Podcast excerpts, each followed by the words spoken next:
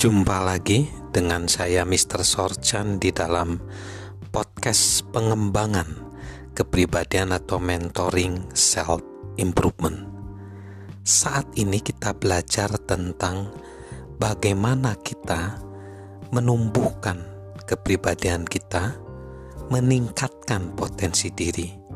Kita masuk dengan yang ketiga, yaitu hukum cermin kita harus melihat nilai dalam diri kita supaya dapat memberi nilai tambah pada diri sendiri. Dennis Whitley berkata, "Perkembangan pribadi adalah keyakinan bahwa Anda layak mendapatkan upaya, waktu, dan energi yang dibutuhkan untuk mengembangkan diri kita."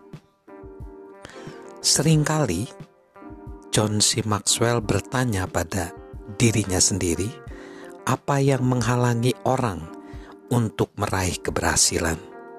Dia percaya bahwa semua orang memiliki benih-benih keberhasilan dalam diri mereka. Yang mereka butuhkan hanyalah menanam benih-benih tersebut, menyiraminya, memupuknya, dan benih-benih itu akan mulai bertumbuh. Itulah sebabnya dia menghabiskan hidupnya dengan berusaha untuk memberikan nilai tambah kepada orang lain, dan dia senang melihat orang lain berkembang. Mengapa banyak orang gagal bertumbuh dan gagal meraih potensi mereka? Kesimpulannya bahwa alasan utamanya adalah rasa harga diri yang rendah banyak orang tidak mempercayai diri mereka sendiri. Mereka tidak melihat kemungkinan-kemungkinan yang Tuhan tempatkan dalam diri mereka. Mereka mempunyai berhektar-hektar kemungkinan, namun tidak pernah menanaminya karena mereka yakin bahwa mereka tidak akan sanggup belajar dan bertumbuh serta berkembang menjadi sesuatu yang luar biasa gencetan potensi, potensi yang tergencet atau terkendala. Itulah yang terjadi pada Joneta McSwan yang kisahnya adalah seperti ini. Selama lebih dari 30 tahun, ia adalah orang yang melihat sedikit nilai atau potensi dalam dirinya. Tetapi sejujurnya, ada banyak alasan yang sah untuk pandangannya yang rendah terhadap dirinya sendiri seperti itu. Ia dilahirkan dari seorang ibu tunggal yang tidak menginginkannya dan memberitahukannya itu kepadanya. Ia dan saudarinya Sonya yang berusia satu tahun lebih tua bersama seorang sepupu menghabiskan lima atau enam tahun pertama kehidupan mereka di bawah asuhan nenek mereka di Birmingham, Alabama.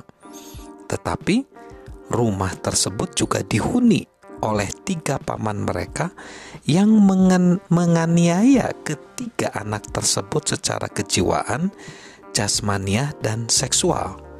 Joneta merasa ketakutan, baik secara kejiwaan maupun emosional.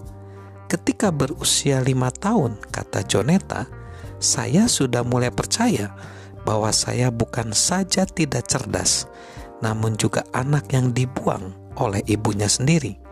Saat masih kecil, saya tidak memiliki tempat, tidak memiliki suara, dan tidak memiliki arti.